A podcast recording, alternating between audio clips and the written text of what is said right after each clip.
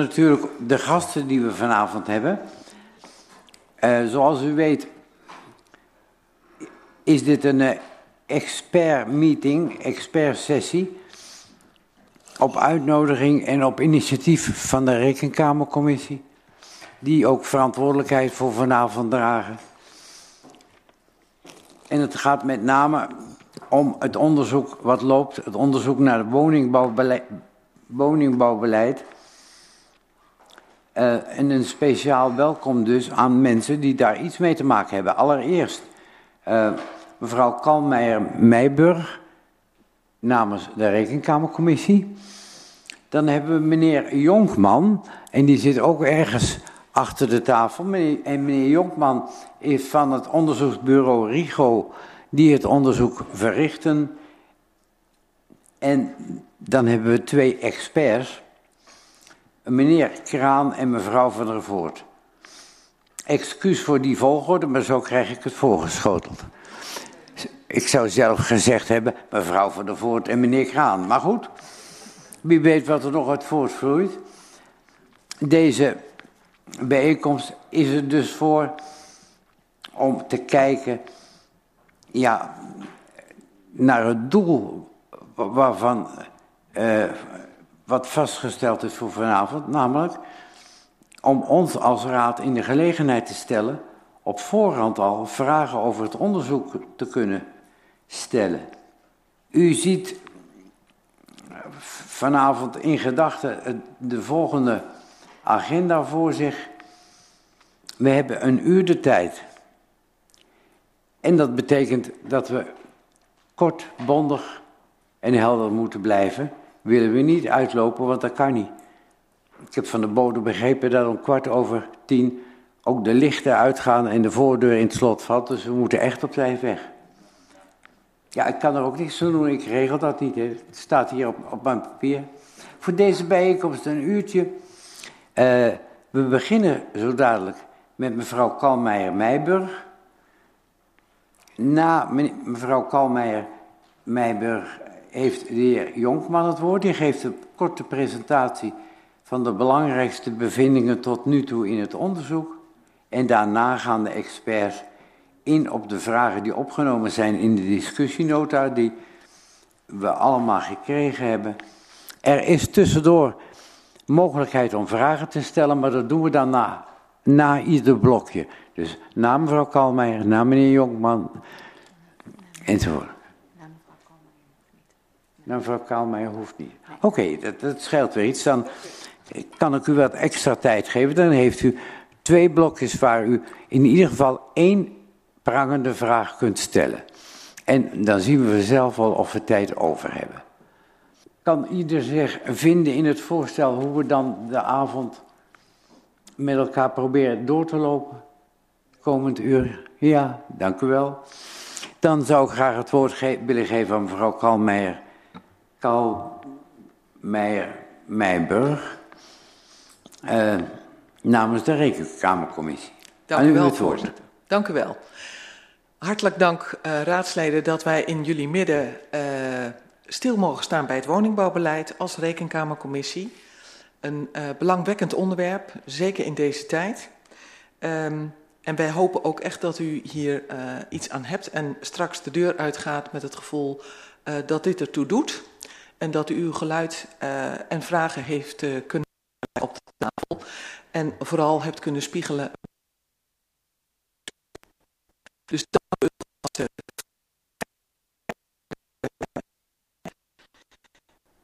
Het woningtekort zal de komende jaren nog blijven toenemen. Ook in Soest. Hè, Soest veel vragen De van voldoende woningen is topprioriteit van het kabinet en van uw gemeenteraad om het woningtekort aan te pakken. Volgens de woondeal die Soest ondertekend heeft, zijn er tot 2030 1250 woningen nodig voor Soest, inclusief Soesterberg. Maar ook in de periode daarna blijft de woningbehoefte groot. De vraag is hoe Soest tot de realisatie van die woningen komt. Daarom zijn we als Rekenkamercommissie aan de slag gegaan met onderzoek naar het woningbouwbeleid. Met als centrale vraag: wat zijn voor de gemeente Soest bepalende factoren om doeltreffend en doelmatig woningbouwbeleid te realiseren?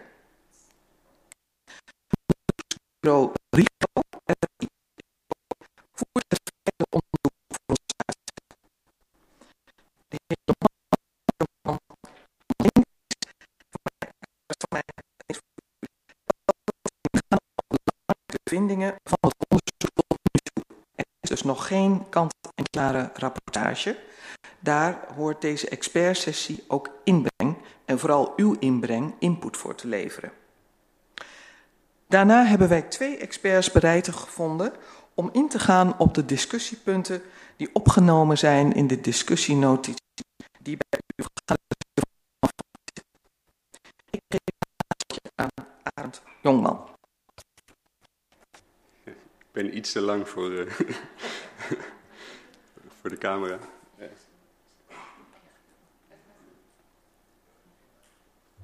En de presentatie. Komt er ook bij? Mooi. Ja, heel erg bedankt. Ja, goedenavond. Uh, mijn naam is Arend Jonkman uh, en namens RIGO uh, voeren wij het onderzoek uit. En we, zijn, um, we zitten midden in het onderzoek, dus we zijn aan het analyseren en de rapportage gaan we opstellen. Daar zijn we mee bezig. Um, dus um,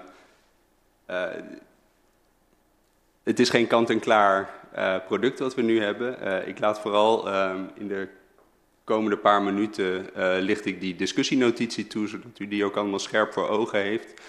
die is gebaseerd op verschillende stappen in het onderzoek. Dat zal ik ook kort toelichten wat we hebben gedaan. Um, en daarna vooral veel ruimte voor de twee experts om hun licht te laten schijnen over de ontwikkelingen die wij um, constateren in dit onderzoek. Um, ja, dus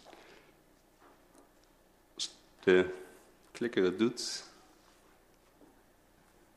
Ik weet niet of ik, kan ik doorklikken of dat niet. Nou ja, het wordt gedaan, oké. Nee. Ja, eerst deze. Dus de onderzoeksvraag is net al genoemd. Uh, wat zijn de, de, voor de gemeente Soes de bepalende factoren om doeltreffend en doelmatig woonbeleid te realiseren? Nou, die, die, die hoofdvraag die hebben we uitgewerkt in verschillende deelvragen. Die gaan uh, over de doelstellingen die de gemeente uh, soestanteert. Um, bijvoorbeeld uh, gevat in, het, in de, de woondeal die de gemeente heeft gesloten samen met de regio.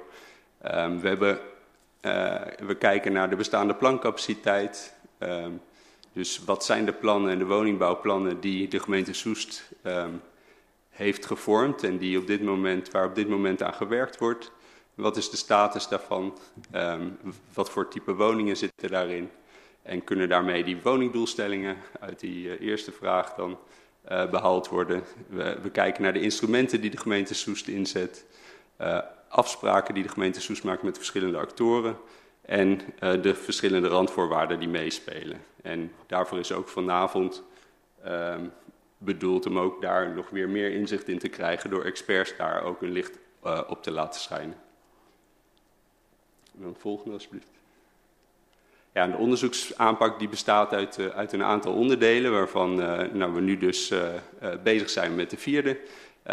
We zijn begonnen dus met de beleidsanalyse. Vervolgens hebben we die plancapaciteit geanalyseerd door een risicoscan uit te voeren. we hebben daarvoor um, nou ja, zoals u kunt zien aan de rechterkant, dus bij A eerst de analyse gedaan van de totale plancapaciteit. Vervolgens hebben we alle projectleiders van de verschillende plannen van een zekere omvang hebben we gevraagd van um, welke risico's ziet u um, voor dit plan uh, die kunnen leiden tot vertraging en die impact kunnen hebben op de realisatie van dit plan. Uh, en vervolgens hebben we die resultaten eruit besproken in de focusgroep met al die verschillende um, uh, projectleiders en, en nog andere betrokken ambtenaren. En tot slot hebben we nog twee cases nader onderzocht. Molenstraat Gemeentewerf en Ferdinand Huik Laan Kerkstraat, wat twee verschillende type projecten zijn. De ene waarbij gemeentegrond was of de, de, grond in bezit van de gemeente was en een ander privaat initiatief met verschillende grondeigenaren. Volgende alsjeblieft. Ja, en dit is om een heel klein inkijkje te geven.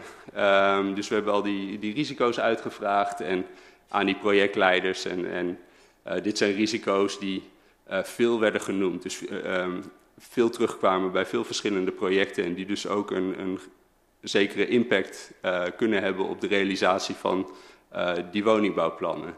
Uh, en die dus ook impact kunnen hebben op of de gemeente Soest in staat is om die doelstellingen die gesteld zijn, de ambitieuze doelstellingen voor de komende jaren, om die te realiseren. Um, een paar hiervan die zullen terugkomen, bijvoorbeeld die eerste twee bezwaren omwonenden en, uh, en financiële haalbaarheid. Volgende alsjeblieft. Ja, en dan inzoomend op die vier dilemma's uh, en omstandigheden die we in de, in de notitie hebben genoemd. Um, de eerste um, is de financiële haalbaarheid um, en gemeentelijke kaders.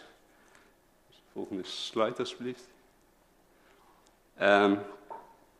En wat we daarbij zien is dat uh, de normen die worden aangescherpt. Dus hoeveel sociale huurwoningen en andere betaalbare woningen bijvoorbeeld in een plan moeten komen, uh, dat, dat wordt verhoogd. De ambities worden verhoogd. Um, maar tegelijkertijd vindt die ambitieverhoging uh, ook plaats in alle andere, in heel veel andere gemeenten. Dus de vraag die je daarbij kan stellen is van, leidt dat nou echt tot een knelpunt? Tot ontwikkelaars die uh, hierdoor uh, nou ja, plannen niet zullen realiseren of misschien minder in, in Soest wil, aan de slag willen? Of is dit een situatie waar ontwikkelaars zich aan, zullen aanpassen? Um, omdat dat meer generiek, generieke ontwikkeling is die niet alleen voor Soest geldt. Dus je kan je afvragen van, is dit iets um, wat, wat, um, waar ontwikkelaars zich aan zullen passen of moet de gemeente ook aanpassen? En bijvoorbeeld parkeernormen, stedenbouwkundige kaders die we tegenkwamen als knelpunten uh, verlichten om uh, projecten eerder te laten doorgaan. Uh, tweede. Eh, een tweede punt is de flexibiliteit en heldere kaders. Dus dat is een spanningsveld tussen aan de ene kant um, ambitieuze doelen um, die gesteld worden, maar of, of de, ambitieuze doelen die worden gesteld maar die, als zij niet, niet al die doelen behaald kunnen worden, hoe ga je er dan mee om als gemeente? Dus ambtenaren die zagen dat het heel helder is, de doelstellingen die gesteld worden, maar uh, zoeken naar hoe gaan we ermee om als, als het begint te wringen in plannen. Hoe kunnen we dan op een efficiënte en snelle uh, manier tot beslissingen komen? Waar doen we concessies en waar doen we geen concessies? Waar zetten we op in het ene plan en waar zetten we op in het andere plan? Um, de vraag is van kun je dat op een andere manier organiseren? Of um, ja, is het misschien iets waar um, altijd die wisselwerking nodig is uh, naar college en terug uh, en, en de raad? dan de derde punt is het draagvlak voor woningbouw. En daar zie je dat de toenemende focus op binnenstedelijk bouwen um, zich uh, wringt. En ook de mondigheid van de burger die erin meespeelt. Dus ja, bezwaar van omwonenden werd gezien als het grootste risico in de meeste projecten.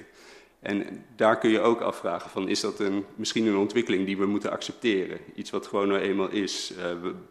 Woningbouw vindt plaats in complexe omgevingen waar mensen uh, wonen en, en andere gebruikers uh, hun omgeving beïnvloed zien worden of zien veranderen.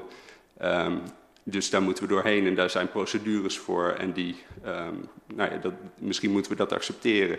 Uh, en er is wel aangegeven door de ambtenaren bijvoorbeeld dat ze merken, en ook door externe partijen, dat ze merken dat er geprofessionaliseerd is, dat er qua participatie meer gebeurt uh, en dat het uh, verbeterd is. Maar tegelijkertijd zien ze die zorg nog steeds heel groot en zien ze dat het impact heeft op projecten. Dus de vraag is, zijn er naast die participatie ook nog andere aspecten? Of zit er misschien nog wat in participatie wat verbeterd kan worden? En dan het vierde punt. Um, komen woningcorporaties voldoende uh, aan zet in de gemeente Soest? En daar zie je een spanningsveld tussen uh, de corporaties die zeggen van wij, of Alliantie bijvoorbeeld, waar we mee gesproken hebben, van uh, we proberen in een vroeg stadium ook bij private ontwikkelaars aan tafel te komen om in projecten onderdeel te worden, maar dat die onderhandelingen vaak heel moeilijk zijn en dat ze daar niet, toch in veel gevallen niet uitkomen. Waarmee ze ook zeggen, we zijn veel afhankelijk, of in grote mate afhankelijk van gemeentegrond om sociale woningbouw te realiseren. maar ook dat is beperkt, de, de, grondposities van de gemeente. Dus daar is het ook de vraag van, ehm, moeten corporaties zich aanpassen aan die uh, nieuwe kaders um, en accepteren dat corporaties een positie moeten krijgen in hun woningbouwplannen ook. Um, of is er misschien een meer actieve rol uh, van de gemeente nodig? En wat is daar dan voor nodig? Um, dus dat is het vierde, vierde observatie en, en discussiepunt. en daarmee is mijn introductie ten einde. Of er nu Dank u wel. of dat we direct met de experts... Dank u wel, meneer Jonkman.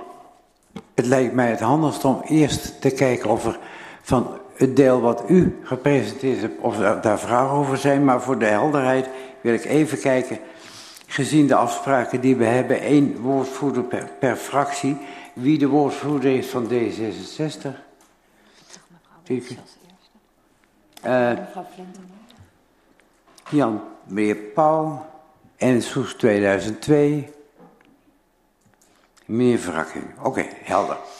Uh, is er iemand van u die nu eens één vraag zou willen stellen aan meneer Jonkman? Ik zie meneer Corbij en meneer Verrakking, mevrouw Flinterman en meneer Paul. Goed, dan ga ik het in die volgorde af en dan lijkt het me het handigst. En als het niet zo is, verander ik dat bij het volgende blokje. Maar het handigst is de vraag stellen en hem gelijk beantwoorden. Als dat zou kunnen. Meneer Kobij. Dank u wel, voorzitter. Ja, uh, bij uh, slide 1 over de financiële haalbaarheid en gemeentelijke kaders. Nou ja, wij zijn daar op het moment in deze raad heel druk mee bezig met een uh, doelgroepenverordening. Um, daar staat, is de verwachting dat de ontwikkelaars zich aanpassen aan de nieuwe eisen. Wie gaat u daarvoor bevragen? Lokale aannemers, projectontwikkelaars die in deze regio actief zijn? Of wie gaat u daarvoor, uh, hoe gaat u dat onderzoeken? Um, nou, dat is een, een uh, dit, dit, is een dilemma en deze vragen zijn bedoeld ook om uh, de, de, experts daarop te laten reflecteren. Um, Um, ook omdat die, die vraag wel uit het onderzoek naar voren is gekomen. Van, ja, we hebben die kaders, maar in andere gemeentes om ons heen is dat precies hetzelfde aan de gang. Dus moeten we daar nou uh, verontrust door raken of um, zal de soep niet zo heet gegeten worden als die wordt opgediend? Dus daar, daar zit, uh, daar zit een, een vraag. En, een vraag die naar voren is gekomen in de sessies die we hebben gehad en de interviews die we hebben gehad. Um, dus het is niet dat we deze vraag nog met het... Dit is meer een vraag die voortkomt uit het, uit het onderzoek. Voor, voor dit moment voldoende, meneer Corbijn. En ik veronderstel dat de experts hier dan nog hun licht over laten schijnen. Ja? Ja, in dat geval, als we dat nog straks horen, dan uh, enig licht op deze vraag. Nou, heel fijn. Dan kijk ik naar uw buurman, meneer Wrakking, namens Soes 2002. Ja, dank u wel. Uh, ik ga naar uh, onderdeel 4. Hoe komen woningcorporaties voldoende aan zet in de gemeente Soest? En mijn vraag is, u heeft uh, met woningcorporaties gesproken, maar heeft u ook gesproken over revitalisering van oude woonwijken? Want daar zitten natuurlijk wel mogelijkheden voor woningcorporaties. Um, daar kunnen zeker mogelijkheden liggen, maar dat viel buiten de scope van, van dit specifieke onderzoek. Um, dus het is hier gegaan over de nieuwbouwopgave. Um, Dank u wel, meneer Jongman. Nou, mag ik nog aanvullend? Nee, dat, is, dat zou de tweede betekenen. En ik wil graag voor u een uitzondering maken, maar dan moet ik dat voor iedereen doen. Dat doe ik niet. Nee, want u wordt op mij boos als om kwart over tien de lichttuin gaan en de, de buitendeur in het slot valt. Tussen. ik moet het er even bij laten, meneer Varking. Mevrouw Flinteman. Dank u wel, uh, voorzitter. Ja, ik heb een hele andere vraag, want het, is mij uh, niet helemaal duidelijk, uh, omdat wij nu in een expertsessie zitten. Normaal krijgen wij een rapport van de Rekenkamercommissie, nadat er een onderzoeksvraag is uitgesteld. Wie heeft op welk moment en waarom uh, gedacht dat het voor ons goed was om een tussentijdse discussieavond te organiseren, dus deze expertsessie? En dan meteen dezelfde, dezelfde vraag, um, daarom vastgeknoopt. U had het net over input die we konden leveren. Waar bestaat de input uit? Mogen wij u richting meegeven, focus, uh, vragen, extra onderzoeken? Um, wat is daar de richtlijn voor? Dank u wel, mevrouw Flinteman. Mevrouw oh, sorry.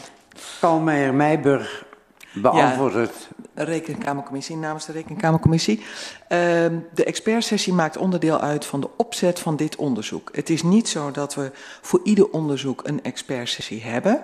We hebben wel goede ervaringen met eerdere expertsessies over andere onderwerpen.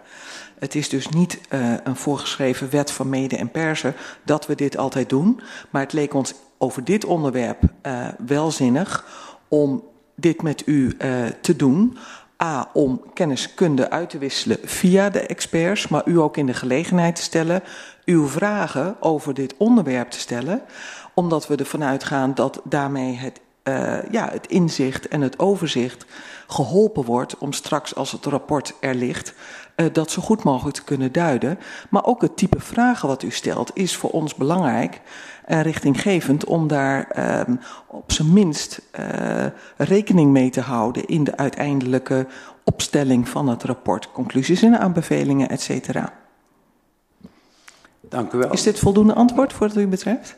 Ja, voorlopig wel. Ja.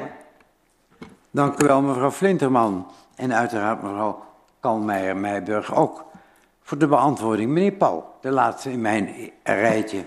Ja, voorzitter. Uh, ik heb moeite met het feit dat we maar één vraag mogen stellen, maar ik ga het toch doen. Uh, belangrijk is in wezen de financiële haalbaarheid om die bij bouwprojecten te realiseren. Met de woningbouwcoöperaties die in wezen dan vragen, wij kunnen best wat voor u doen, maar moeten dan uh, gemeentegrond goedkoop in ons bezit hebben en zijn dan daarin weinig creatief. Zou het mogelijk zijn dat de woningbouwcoöperaties in concurrentie met zeg maar, de particuliere projectontwikkelaars de strijd aan kunnen binden om uh, zeg maar, uh, gronden in Soest te verwerven? Um, ik denk dat dit ook een onderwerp is waar Johan Graan straks um, meer over kan zeggen. Uh, maar de, um, wat ik hier al wel over kan zeggen is dat die de positie van woningcorporaties en wat zij kunnen op de grondmarkt is beperkt door regelgeving. Um, waardoor ook hun concurrentiepositie um, bemoeilijkt is en zij dus niet um, speculatief bijvoorbeeld grond in een vroeg stadium kunnen kopen. Uh, dus, dus dit, dat is een, een, een, uh, een moeilijke situatie voor corporaties om daar echt veel in, uh, even ter gerealiseerd krijgen. Heel. Even, even, even ter verduidelijking. Uh, het gaat hier om, de particulieren, uh, daar zijn wij, uh, zeg maar ontwikkelaars, zijn wij in Soest eigenlijk afhankelijk van voor een groot deel van de nieuwbouw. Ja. En dat is eigenlijk prioriteit nummer één, waar we dus in wezen, dat moet in wezen haalbaar zijn. De verduidelijking van de vraag duidelijk, meneer Jonkman. Um, niet helemaal um, de vraag of het vraaggedeelte. Um. Meneer Pauw, zou u uw vraag nog een keer willen formuleren? Het gaat, eh, de, de concrete vraag uh, is eigenlijk van, we hebben beperkte gronden in Soest die beschikbaar zijn voor woningbouw. Daar zitten projectontwikkelaars op, particulieren op. En je moet zorgen dat eigenlijk de uh, woningcoöperaties op die gronden kunnen gaan bouwen. Dan kunnen ze dat alleen maar via die projectontwikkelaars, begrijp ik. Maar we moeten er eigenlijk in een positie brengen uh, dat het wel kan. Ja. Dat is eigenlijk wat ik, wat ik graag zou willen weten. Ja, ja. ja dus dat is, um, dat is het dilemma van welke rol kun je spelen als gemeente om, uh, daar, um, om ze in positie te brengen. Um, dat kan door uh, gemeentegrond uh, of proberen om die, die corporaties en die uh, ontwikkelaars bij elkaar te brengen. Maar de directe invloed daarin is, is, is beperkt. En, en een corporatie, of in, in gevallen, en dat hangt ook af van de doelgroepenverordening bijvoorbeeld, kunnen ontwikkelaars ook zeggen, dan realiseren wij die, die um, sociale huurwoningen zelf. Op hun bestaande panden. Zoals meneer Frakking bedoelt. Dat kan ook. Ja. Maar ik denk, meneer Pauw en anderen, dat we als we naar het volgende onderdeel gaan, de experts aan het woord laten en vervolgens daar met elkaar over in discussie gaan, dat daar ruimte genoeg zou moeten zijn om de resterende vragen, die ik nu niet uit uw keel heb laten komen, te kunnen stellen. Zonder dat we het eindtijd overschrijden. Mag ik dan meneer Kraan en mevrouw Voort uitnodigen om uw zicht op het geheel te laten zien? En meneer Kraan, misschien is het heel aardig om in het kort te vertellen waarom u expert bent. Nou, ik heb een presentatie klaarstaan en daar staat het ook uh, nog op. Dus uh, ik heb de, uh, de, notitie ook gelezen en even wat, al wat reflectie voorbereid. Um, dus die komt zo op het scherm en dan zal ik dat even langslopen. Mochten daar vragen over zijn, dan kan dat dus achteraf. En dan in ieder geval van drie van de vier onderwerpen, maar daar kom ik zo even op terug. Mijn naam is in ieder geval Johan Kraan, zal ik alvast worden. Ik werk bij Stadkwadraat, um, adviesbureau in de financiële, financiële gebiedseconomie eigenlijk, gebiedseconomie. Zegt het al. Um, werkzaam voor veel gemeentes, maar ook andere overheden, projectontwikkelaars. Uh, toevallig ook voor de provincie Utrecht voor het project Hart van de Heuvelrug. Hier ook bekend. Ook wat ontwikkelingen op de gemeentegrond van Soest. Dus ook Soest is voor mij wel bekend. Um, en zodoende gevraagd om hier op te reflecteren. Dan kunnen we zo in ieder geval de eerste drie sheets alvast overslaan. Zelfs apparaten zijn aan herfstvakantie toe, geloof ik. Hm. Ga ik hier snel doorheen. Stadkuraat, en die ben ik zelf, zoals net al toegelicht. Reflectie per onderwerp. Uh, ik ga in ieder geval in op de onderwerpen uh, 1, 2 en 4. Want voor 3 ligt niet mijn expertise. En daar zal Marian van der Voort zometeen zeker een reflectie op geven. Um, eerst wil ik even zeggen waar we ons nu in bevinden. Eigenlijk hebben wij sinds 2000, in 2015 en 2021 hebben we een hele goede tijd gehad qua woningmarkt, qua financiën daarin. En wij uh, bevinden ons nu in een bijzondere situatie. Dus dat is alvast, dat is bij de meesten wel bekend. Rente, je ziet het, uh, stijgt enorm, maar ook de bouwkosten zijn meegestegen. En de nieuwbouw, het gevolg daarvan, nieuwbouw stagneert. Dan de eerste reflectie op de financiële kaders. Um, je ziet dus dat um, de uh, beleidsambities, die in die tijd 2005 tot 2021 zeker ook zijn toegenomen, uh, nu ook uh, konden, konden, konden ja, omhoog worden gezet. Dus meer ambities kwamen er en plannen konden toch doorgaan, omdat de markt zo goed was. Ehm, wat je nu dus ziet door die forse stijging bouwkosten en rente, dat, dat, er gewoon, dat de, de woningbouw stagneert en dat ook uh, de, daardoor de bouw stilvalt, maar dus ook de beleidsambities uh, daar enigszins ook op drukken. Komt het dan door de beleidsambities dat de woningbouw stagneert? Nee, dat zijn echt marktomwisselingen. Um, maar um, er moet wel over nagedacht worden, op dit moment willen we toch doorgaan met bouwen, of alle beleidsambities kunnen. Of dat voor de, om de bouw voor de komende, nou, ik heb hier gezegd drie tot vijf jaar, op peil te houden. Um, is dat nog mogelijk om dat overeind te houden? Ook Hugo de Jonge, kennen we allemaal, uh, heeft vanuit voor de zomer ook een, een raadsbrief of een, een, brief naar de Kamer gestuurd, waarin ook maatregelen getoond zijn, en die vind ik het toch even goed om te noemen, die invloed gaan, gaan hebben op het grondbeleid in Nederland. Um, ik wilde toch even zeggen, en dat gaat erom dat, uh, dat, dat zij ook op die goedkopere grond willen gaan sturen. Daar, dus er was net al even in de presentatie van Rigo, werd ook gezegd, zijn er uh, zaken die invloed kunnen hebben vanuit beleid, die uiteindelijk ervoor zorgen dat uh, woningbouw tot ontwikkeling komen of gaan ontwikkelaars zich aanpassen. Dat werd ook net even gevraagd.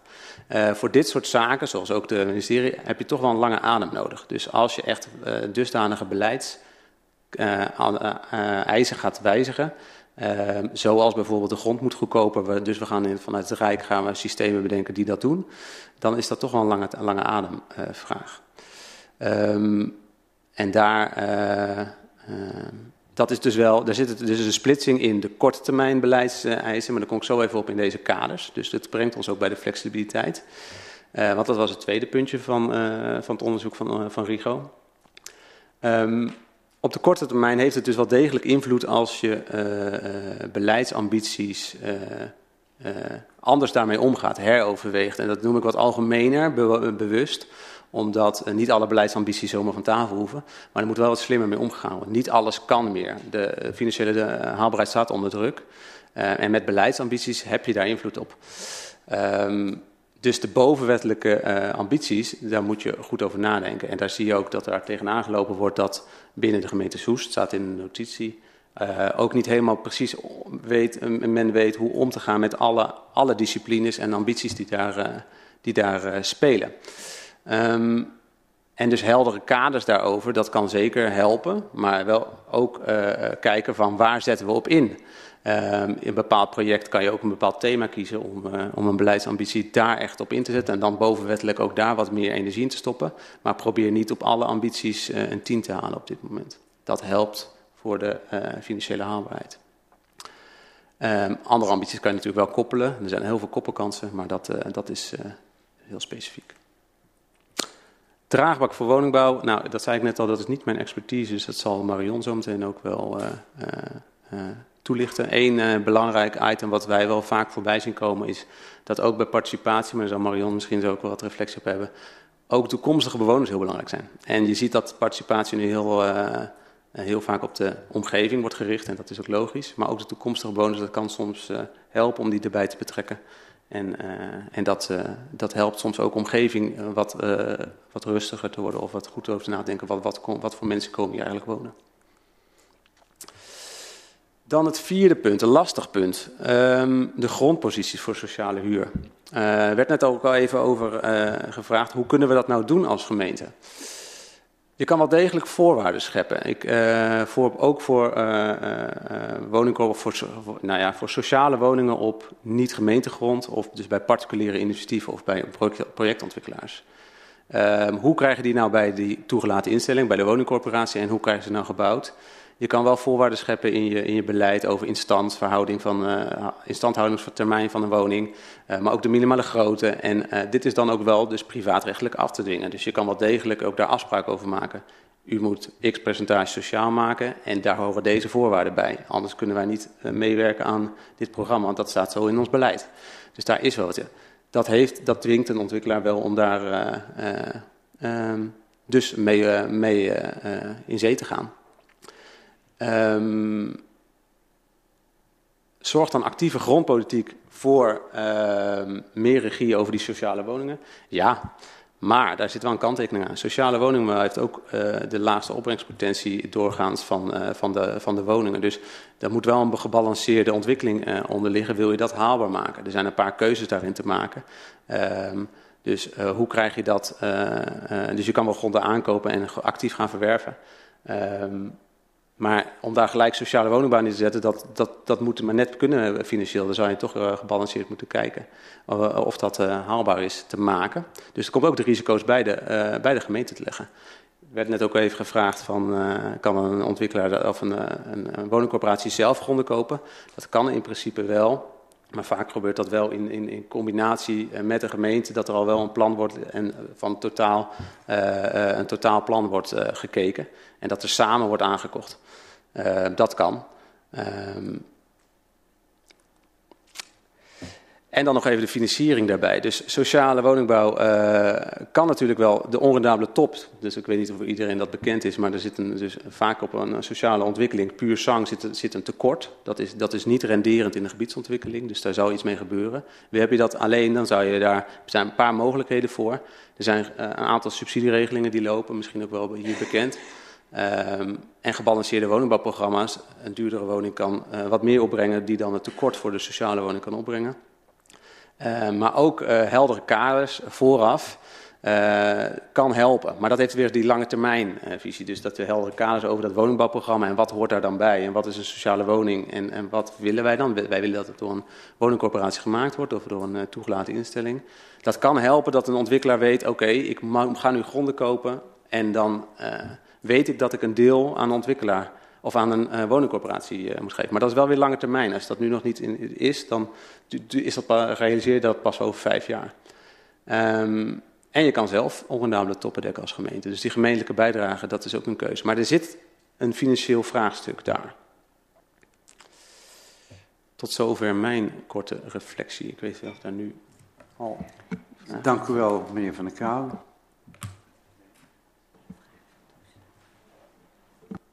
Uh, wilt u nu al uw vragen stellen aan meneer Kraan of wachten tot mevrouw van der Voort geweest is? Nu. Ja, oké. Okay. Wie mag ik noteren voor een vraag, meneer Wrakking, mevrouw Flinterman, meneer Pauw, meneer Corbij. Meneer Wrakking, gaat u gang. Ja, ik grijp toch mijn kans maar weer. Uh, U krijgt hem. Het gaat om die uh, grondposities voor uh, de corporaties. bij de vorige spreker was het zo dat het ging om nieuwe woningbouw. toen opperde ik, als de gemeente nou geen grond heeft, dan zou je de oude wijken kunnen revitaliseren. En daar bedoelde ik eigenlijk mee gewoon afbreken en opnieuw opbouwen. Dus dat zijn ook nieuwe woningen. Maar ik zie dat niet terug in uh, uw optie. Heeft u daarnaar gekeken? Of Klopt. Kijkt u uh, daar nog naar? Nou, we zien het wel in de landen. Uh, dus wat grotere, voorheen sociale wijken die echt volledig uit sociale woningbouw bestaan, worden wel zo aangepakt. Ehm, ik weet niet of dat ook hier in Soest het geval is, maar dan kan dat zeker. Wel is dat, uh, vergt dat wel een, een, een, hele nauwe samenwerking met, uh, met de gemeente en, en de woningcorporatie van wie de eigenaar is. en daar zit ook wel weer een financieringsvraagstuk bij. als je kijkt, ik heb een voorbeeld van Kerkenbos Zeist. daar is dat ook gebeurd. Er zijn sociale woningen bouwbaar, maar er is wel een gemiddelde, een, een, een, een, ja, gemeleerde wijk voor teruggekomen.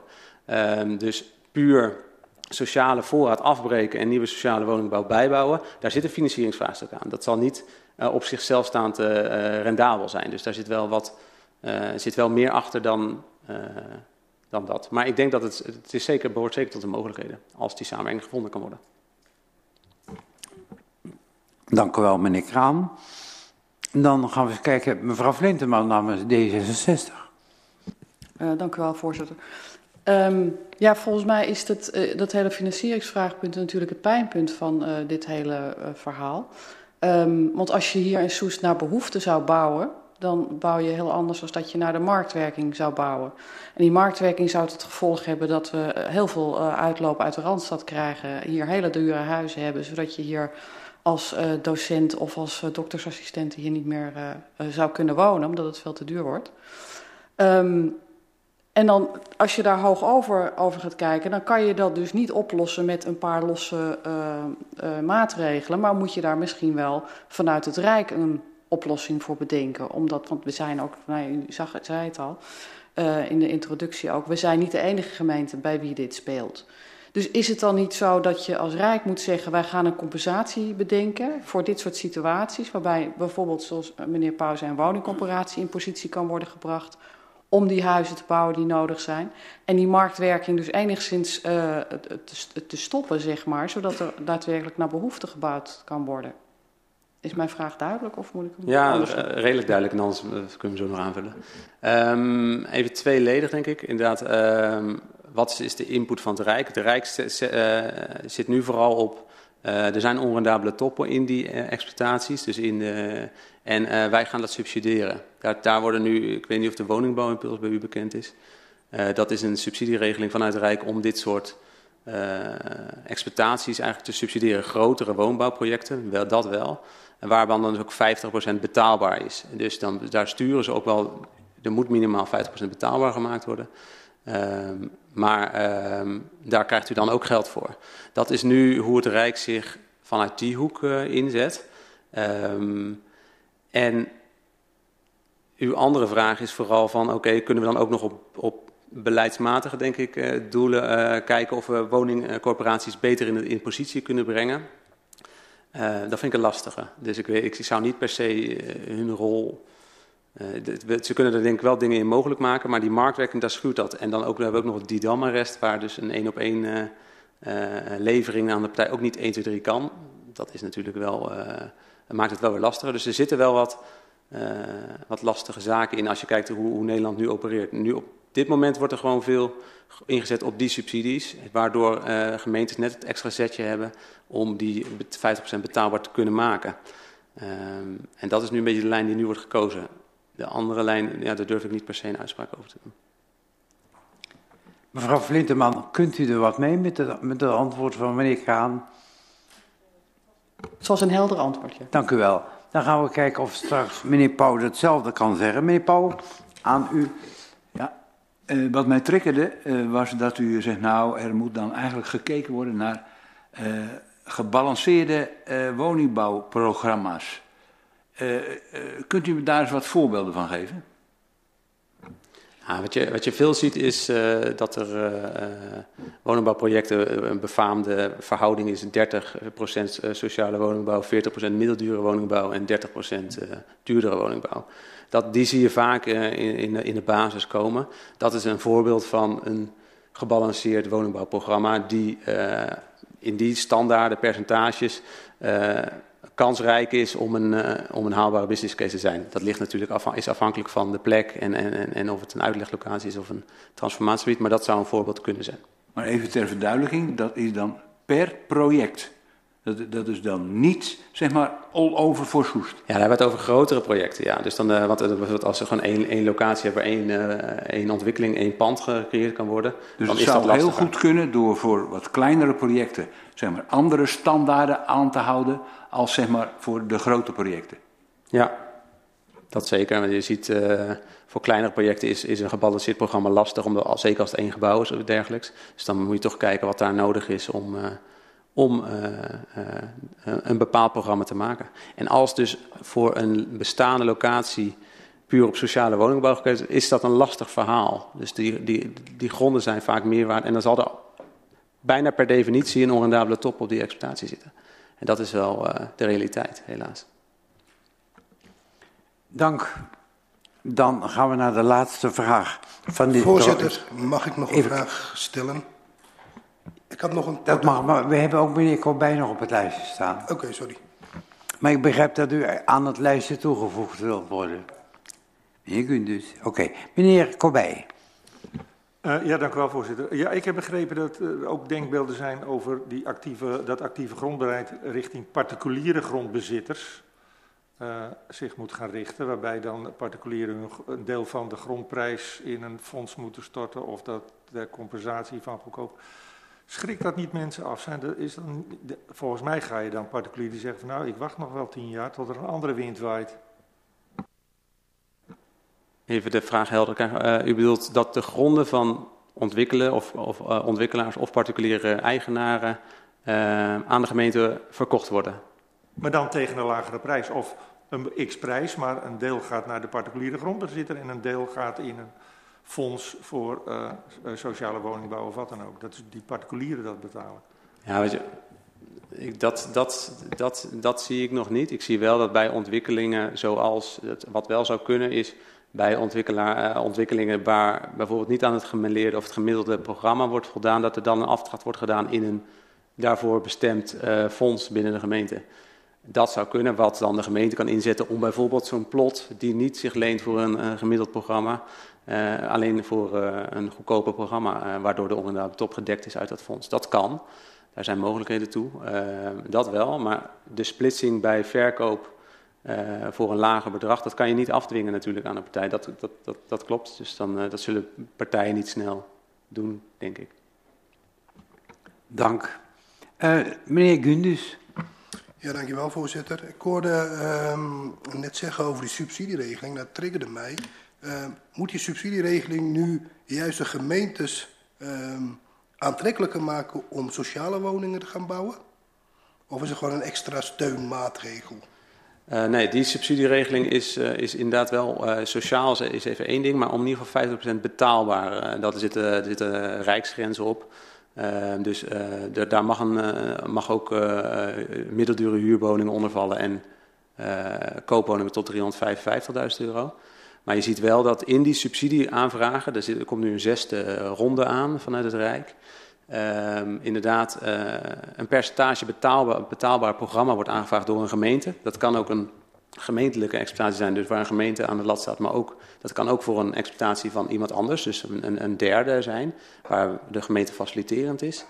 Um, en dan wordt daar uh, geld voor vrijgemaakt. De gemeente moet zelf daar ook wel een deel uh, aan financieren. Dat moet ook aangetoond worden, dus de, de lasten worden verdeeld. Um, en dan wordt, er, wordt je eraan gehouden om met, met verschillende voorwaarden. Uh, binnen tien jaar ontwikkelen, binnen drie jaar starten, et cetera. En het betaalde programma wat je hebt opgegeven, wat voldoet aan de voorwaarden, dat moet dan ook gemaakt worden. Dus dat is de subsidieregeling die nu loopt, waarvan nu de laatste ronde uh, komende halfjaar gaat komen. Dank u wel voor de toelichtingen, de antwoorden en het met ons meedenken, meneer Kraan. Dan gaan we naar de tweede expert mevrouw Van der Voort. En dan stel ik voor dat de vragen die u dan heeft, u gewoon kunt stellen. En degene uit het panel, zo, noem ik het dan maar even, die denkt, die wil, wil of kan ik wel beantwoorden. Dan bent u daar vrij in. Mevrouw Voort, Van der Voort. Ja, goedenavond. Uh, fijn dat ik hier mag zijn. Marion van der Voort, maar dat ziet u al uh, op het beeld. Um, ik ben eigenaar van Bureau voor Gebiedscommunicatie. Gevestigd in Amersfoort, dus niet zo heel erg ver hier vandaan. En in dagelijks leven doe ik eigenlijk niet anders dan participatietrajecten ontwikkelen en begeleiden. Dus uh, procesbegeleider. En dat doe ik uh, voor gemeentes, voor corporaties en ook voor particuliere initiatiefnemers. En daarnaast ben ik regelmatig gespreksleider bij bijeenkomsten die gaan over een project waar ik zelf niet direct bij betrokken ben. Dan ben ik de externe gespreksleider. Um, ja, ik hou me dus veel bezig met, uh, met participatie. En uh, nou, wat eigenlijk net ook al gezegd wordt, de, de worstelingen die uh, u als raad tegenkomt op allerlei fronten, die komt bijna elke gemeente in Nederland tegen. En dat geldt ook voor die met draagvlak. En hoe gaan we nou om met participatie en hoe zorgen we nou dat we de mensen voldoende horen en uh, het draagvlak zich ontwikkelt. Helaas heb ik daar geen toverformule voor. Als dat zo was, uh, zou het heel fijn zijn. Maar ik kan niet zeggen van nou, als u dat en dat en dat doet, dan komt het allemaal goed. Het tegendeel zelfs, als u uh, het hele participatietraject goed organiseert of laat organiseren, wil dat nog niet zeggen dat er niemand naar de Raad van State gaat. Um, eigenlijk is het zelfs zo dat goede participatie wil niet zeggen dat er dan dus draagvlak ontstaat. Door goede participatie ontstaat een beter plan. En een beter plan kan misschien wel rekenen op meer draagvlak. Maar het is niet zo van, nou weet je wat, we doen wat aan participatie, dan zal vast dat uh, draagvlak wel in orde komen. Zo, uh, zo, werkt het helaas niet. Um, een, een belangrijke vraag of dilemma die ik tegenkom bij uh, raadsleden. De ene is, wat is onze rol? Daar zal ik zo nog iets over zeggen. Maar de andere is wat eigenlijk steeds weer terugkomt. Uh, is dat wordt gezegd van nou, we vinden het een goed plan en fijn. Gaat u vooral uw gang, uh, initiatiefnemer of corporatie, maar zorg wel voor draagvlak. Nou, dat is leuk gezegd, maar wat is nou draagvlak? Kijk, als er uh, zo'n zo uh, ontwikkeling bij een corporatie, als daar bestaande woningvoorraad wordt gesloopt en nieuw wordt neergezet, is er vaak een regel. 70% van de huidige bewoners moeten mee instemmen, dan kan het doorgaan. Maar wat draagvlak is bij een ontwikkeling uh, zoals die hier in de casussen genoemd worden, is nergens afgesproken. Gaan we een enquête houden en dan kijken uh, of een meerderheid van de omwonenden het ermee eens is. Of uh, zeggen we van nou, als er niet meer dan drie bezwaren binnenkomen, dan is er voldoende draagvlak. Dat is zelden of nooit goed gedefinieerd wat nou draagvlak is. En het kan ook zo zijn dat je een zorgvuldig traject afloopt met allerlei belanghebbenden. En dat er uiteindelijk op het moment dat jullie hierover spreken in de raad... er toch nog twee mensen opstaan die zeggen... ja, maar ik wist er helemaal niks van en ik ben ook belanghebbend. Dus de communicatie was niet goed en er is geen draagvlak. Die mensen nemen de moeite om naar de raadzaal toe te komen. Terwijl die andere mensen die denken... nou, volgens mij is het wel goed, ik uh, geloof het wel... Of ik ben niet zo geïnteresseerd, maar ik uh, denk dat het wel goed zal komen. Die komen niet naar die raadzaal. Dus als raadsleden krijgt u vaak, denk ik, een nogal vertekend beeld van het, nou ja, de, de meningen onder belanghebbenden. En dat is wel iets om uh, rekening mee te houden, denk ik. Dat op het moment dat je als raad zegt, ja, we willen deze ontwikkeling wel, maar er moet wel draagvlak voor zijn, dat je ook afvraagt wat dat draagvlak dan is. En uh, ja, ik, ik zal de laatste zijn om te zeggen, je moet uh, enquêtes gaan houden en zorgen dat je zeker weet dat zoveel procent voor is of zo. Dat niet. Um, ik denk wel dat je als gemeenteraad duidelijke kaders moet stellen. En um, uh, nou ja, daar, daar hebben jullie ook de bevoegdheden voor om aan te geven, we willen dit, dat, dat en dat in ieder geval geregeld hebben. Wat daarbij ook ontzettend belangrijk is, is duidelijkheid vooraf. Dat is voor u belangrijk, dat is voor een initiatiefnemer belangrijk, maar het is zeker ook voor mensen die deelnemen aan die participatie van belang. Eigenlijk zeg ik wel eens, participatie is corvée. Er is geen mens dat voor zijn lol naar een avond in een zaaltje gaat om met een plastic bekertje koffie naar een PowerPoint-presentatie te luisteren. Ze gaan veel liever potje tennissen naar een film of een kind voorlezen. Dus mensen nemen die moeite. En uh, dat kost ook moeite bij de initiatiefnemers, bij ambtenaren, bij alle andere betrokkenen. En voor uzelf ook, want misschien komt u ook wel eens luisteren op zo'n bijeenkomst. Er is niets erger dan wanneer je een aantal van dat soort bijeenkomsten hebt doorlopen en achteraf blijkt dat het helemaal niet meer ging over de vraag of er wel woningen gebouwd moeten worden, maar dat ze er komen. En het gaat alleen om over de vraag hoe ze er moeten komen. Dan krijg je dus die spreekwoordelijke, we mogen alleen nog maar meepraten over de kleur van de bakstenen. Dus zorg in ieder geval voor duidelijkheid vooraf. Zowel vanuit je rol als raad, als ook als jullie participatiekaders meegeven in het kader van de nieuwe omgevingswet bijvoorbeeld aan initiatiefnemers. Formuleer daar dan ook wat, wat je verlangt van de participatie. Um, volgens mij is er net ook al iets over gezegd. Um, ja, er, er werd ook naar gevraagd volgens mij. Hoe krijg je nou een brede groep op de been? Want uh, de mensen met gevestigde belangen, die komen graag ergens op af. Die hebben gehoord dat er iets gaat gebeuren en die komen daar naartoe. Uh, terwijl die jongeren die zitten te springen om een woning, of die ouderen die op zoek zijn naar een passende seniorenwoning die daar wordt gebouwd, die weten dat misschien niet eens of die uh, voelen zich in ieder geval onvoldoende aangesproken. Dus dat is volgens mij nog wel een heel belangrijke opgave voor de komende periode. Om te zorgen dat je niet alleen de mensen uitnodigt die ergens direct omheen wonen bijvoorbeeld, of die zich al gemeld hebben, of die in een belangenvereniging zitten, maar dat je veel breder kijkt. Waar zitten de belangen? Dus dat betekent dat je vooraf heel goed kijkt, niet alleen maar in de directe omgeving, maar ga gewoon eens op pad. Ga eens naar een aantal jongeren toe.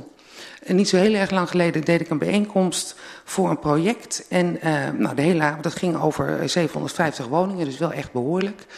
En uh, die hele avond waren de vragen over ja, wat betekent dat voor het verkeer en hoe zit het met planschade en uh, wordt er wel voldoende groen gebouwd. En aan het einde, ik twijfelde even, ga ik die meneer het woord geven of niet? Ik dacht, nou, toen nog maar eventjes. Die stond op en die zei, ik hoor hier alleen maar allerlei vragen en bezwaren van mensen die daar al wonen. Ik heb een hele kleine woning. Ik zou heel graag een beter passende woning krijgen. Dus ga alsjeblieft zo snel mogelijk bouwen.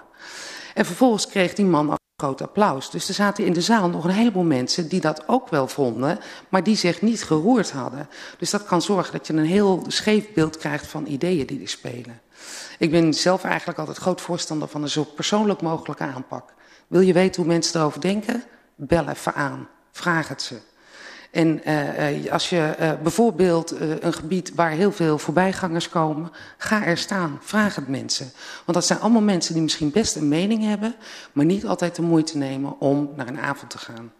Dat is dan een laatste punt en dan zal ik gaan afronden, want het zal volgens mij wel bijna tijd zijn. Um, er zijn heel veel manieren om participatie vorm te geven. Het was heel vaak zo van, nou weet je wat, we maken een plan, dan organiseren we een avond, we nodigen de mensen uit, ze kunnen reageren en dat was het dan. Ik ben er groot voorstander van om in een heel vroeg stadium, nog voordat er een plan is, naar mensen toe te gaan. Dat is wel de participatieparadox. Want op het moment dat je nog geen plan hebt, zeggen mensen, ja, waar moeten we nou op reageren? Je hebt nog helemaal niks. En als er dan al een plan ligt, zeggen ja, waarom moet ik nou nog reageren? Er ligt toch al een plan. Maar ga zo vroeg mogelijk naar mensen toe en zoek ook andere manieren, andere momenten en andere vormen om dat te doen. Als je op een zaterdagochtend ergens naartoe gaat, krijg je een heel andere sfeer dan op een dinsdagavond hier in huis. En uh, als je uh, zorgt dat er uh, wat anders omheen te doen is, dan krijg je ook een ander publiek. Als je niet alleen omwonenden uitnodigt, maar ook een stukje verder kijkt en ziet hoe je andere belanghebbenden zou kunnen stimuleren of activeren of inspireren, dan kunnen er andere dingen gebeuren. Dus ik ben groot voorstander van uh, andere vormen dan alleen maar het avondje met de plastic bekertje koffie en de powerpoints. Nou, tot zover. Ik kan er nog heel lang over praten, maar tot zover eventjes. Dank u wel, mevrouw van der Voort. Uh, dan is nu het moment daar dat de vragen die u nog niet gesteld hebt, u die kunt stellen aan wie dan ook. Zal ik dan maar weer daar gaan zitten? Zou ja. doen, die, dat zit in ieder geval makkelijker. Uh, ik zie mevrouw Flinterman wil wat. Meneer Wrakking, meneer Pauw. Hier even bij laten. Kunnen straks altijd wel aanvullen. Schokman. Goed, mevrouw Flinterman. Stel uw vraag. Ja, of lok uit. Het, uh, het, gaat ook over de participatie. Want ik zat uh, naar uw bevlogen verhaal te luisteren. En ik dacht van nou, allemaal hele goede tips. Maar straks bij de omgevingswet komt die verantwoordelijkheid bij de projectontwikkelaar te liggen. En bij elk project is, uh, het hangt natuurlijk heel erg van het project af wat voor soort participatie je gaat doen, hoe je dat inricht en wie je daarvoor in, in beeld brengt. Hoe, wat zou uw advies zijn? Hoe kunnen wij als gemeente daar meer uh, zicht en regie op houden om te zorgen dat die participatie ook in ieder geval serieus verloopt en niet als een afvinklijstje wordt afgedaan door een projectontwikkelaar? Ja.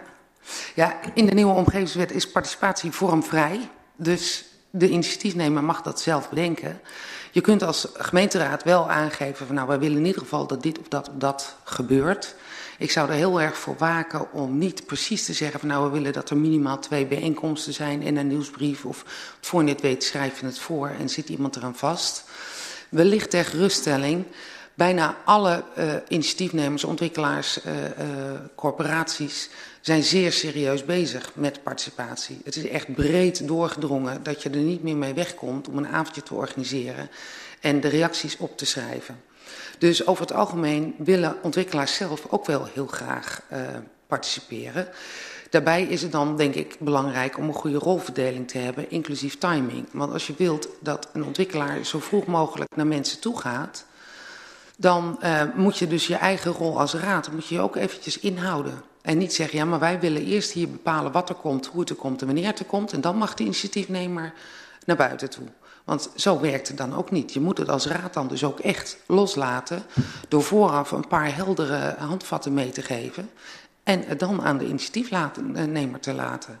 En op het moment dat de participatie niet goed geregeld is, dan komt hier echt niet een vloeiend plan voor dat uh, fluitend erdoor komt. En dat weten alle initiatiefnemers ook.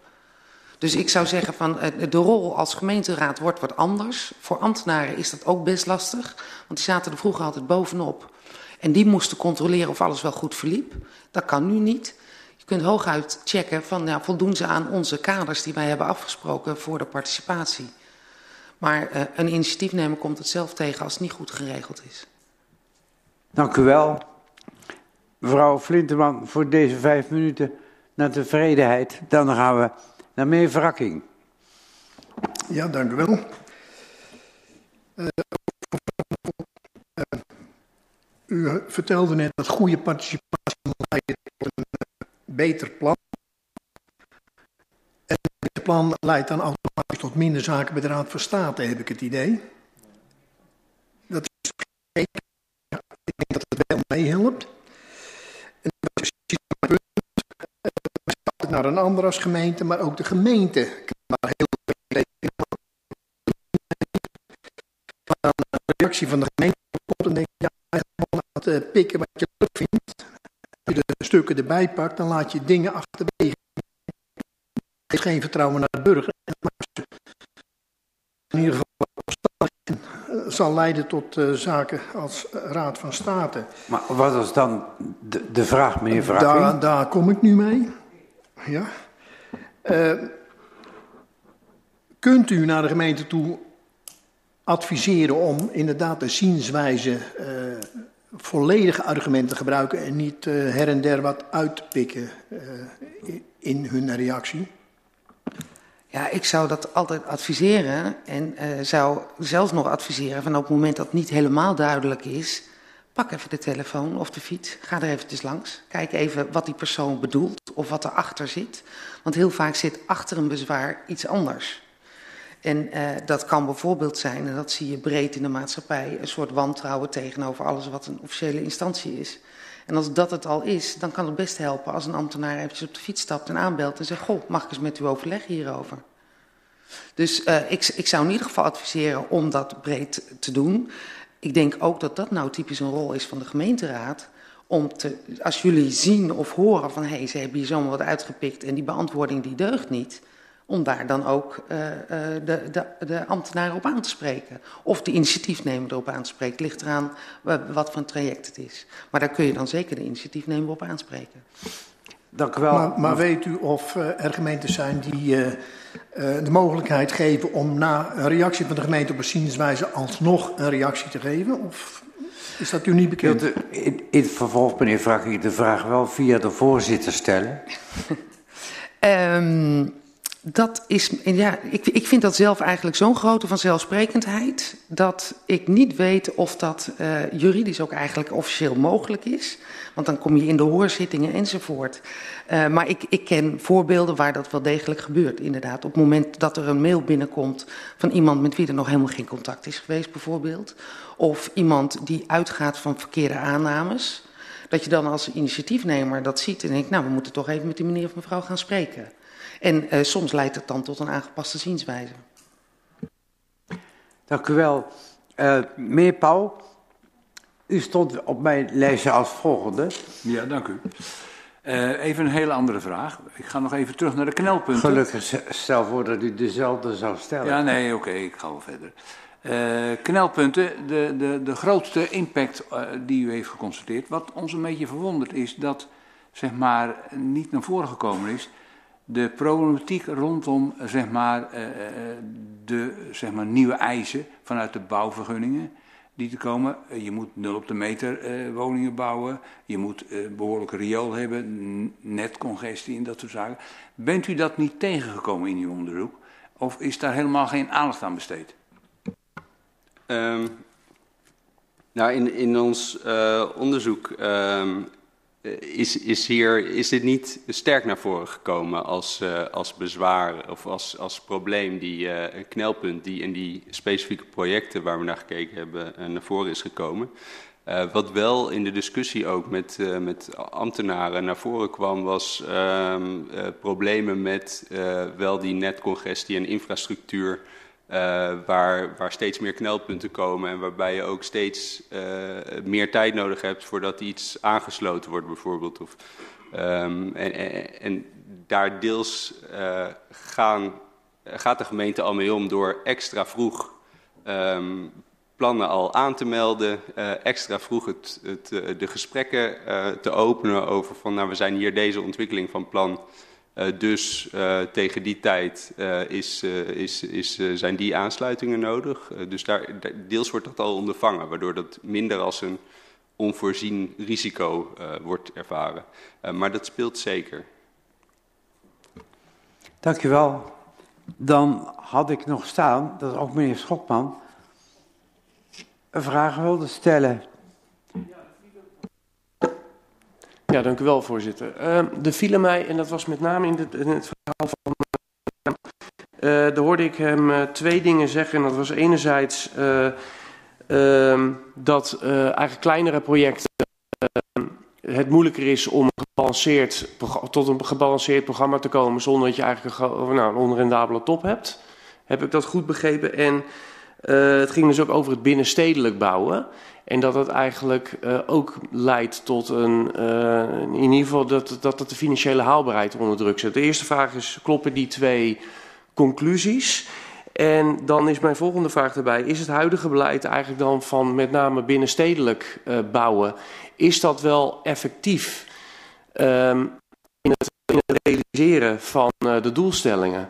En uh, of zou het eigenlijk efficiënter zijn om bijvoorbeeld wel uit te breiden buiten de bestaande kern? Dus daar ben ik even benieuwd naar. Dank u wel. Uh, de eerste denk ik over uh, dat gebalanceerde programma. Dat heeft van, vooral mee te maken dat het vaak kleinere plots zijn en dergelijke. Dus dat dat dan lastig is. Dus als één, één ontwikkeling, één pand of zo ontwikkeld kan worden, dan, dan is dat natuurlijk, kan je niet een koopwoning, een huurwoning en een en een, uh, een, penthouse erin zetten, dat, dat uh, conflicteert vaak.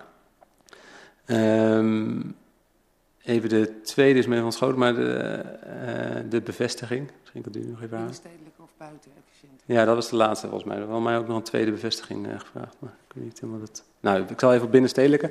Nou, wat je ziet is natuurlijk dat er veel gemeentes zijn, gaan focussen op binnenstedelijk. En het heeft ermee te maken dat de uitleglocaties ook beperkter zijn. Hè? Dus ook de, de Uh, dus uh, financieel heeft, is dat een uitdaging. Dus het is niet per se te zeggen dat dat uh,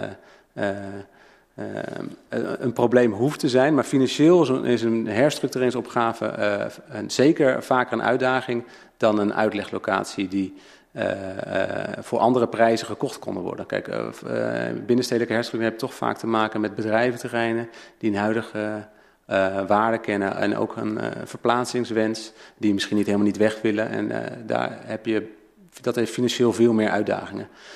dus dat, het, het, maakt het wel complexer. Niet onmogelijk, maar wel complexer. En als de markt tegen, tegenwind heeft, zoals het nu is, dan maakt dat het nog complexer. Dat klopt. Dank u wel.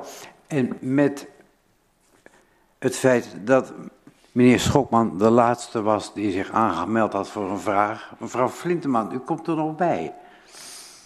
Uh, Als het mag, voorzitter. Dan, maar dan bent u echt de laatste, want we hebben net vastgesteld dat Teams ook nog open blijft staan. Heeft u vragen aan een van de sprekers? Stel uw vraag dan via Teams en de Rekenkamercommissie zorgt ervoor dat die vragen worden beantwoord. Dus het is niet zo dat u met die vraag naar huis moet en nooit meer een antwoord krijgt op die vraag. Gelukkig niet. Het kan. Via Teams. Mevrouw Flinteman, u bent de laatste vanavond die een vraag kan stellen. Uh, ja, en de heer uh, Kranen nog even een vraag over...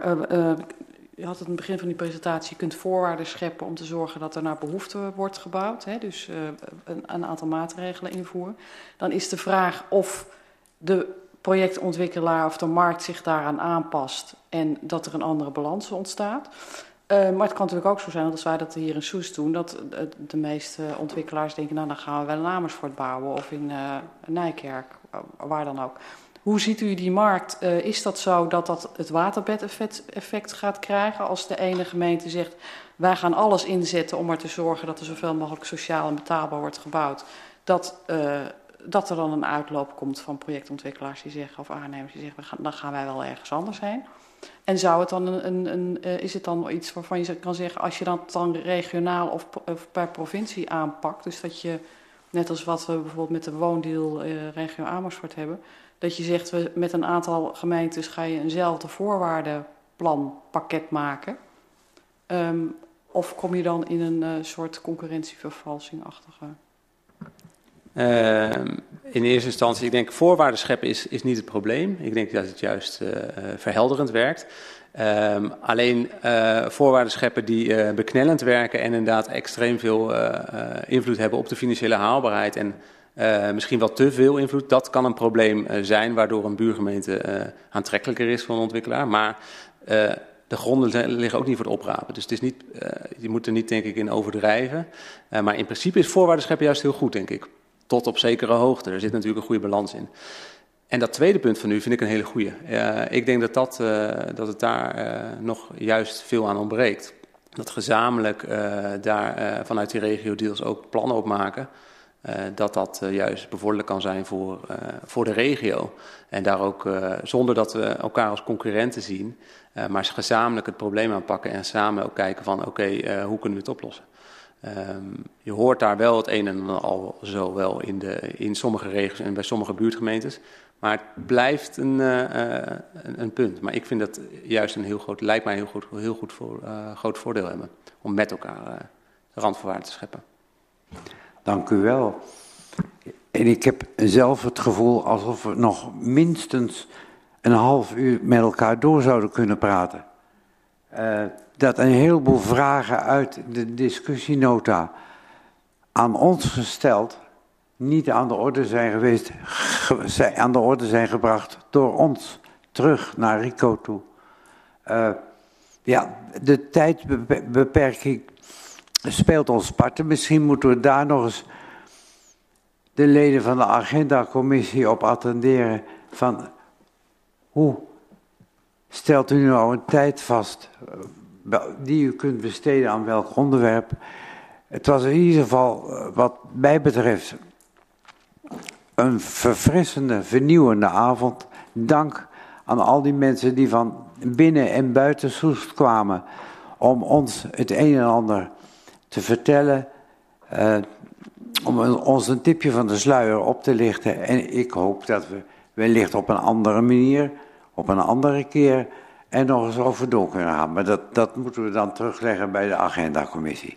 Voor nu bedankt, Rekenkamercommissie, bedankt voor de uitnodiging. Wij zijn er met plezier op ingegaan. Ik wens u een, een goede huis, huiskering.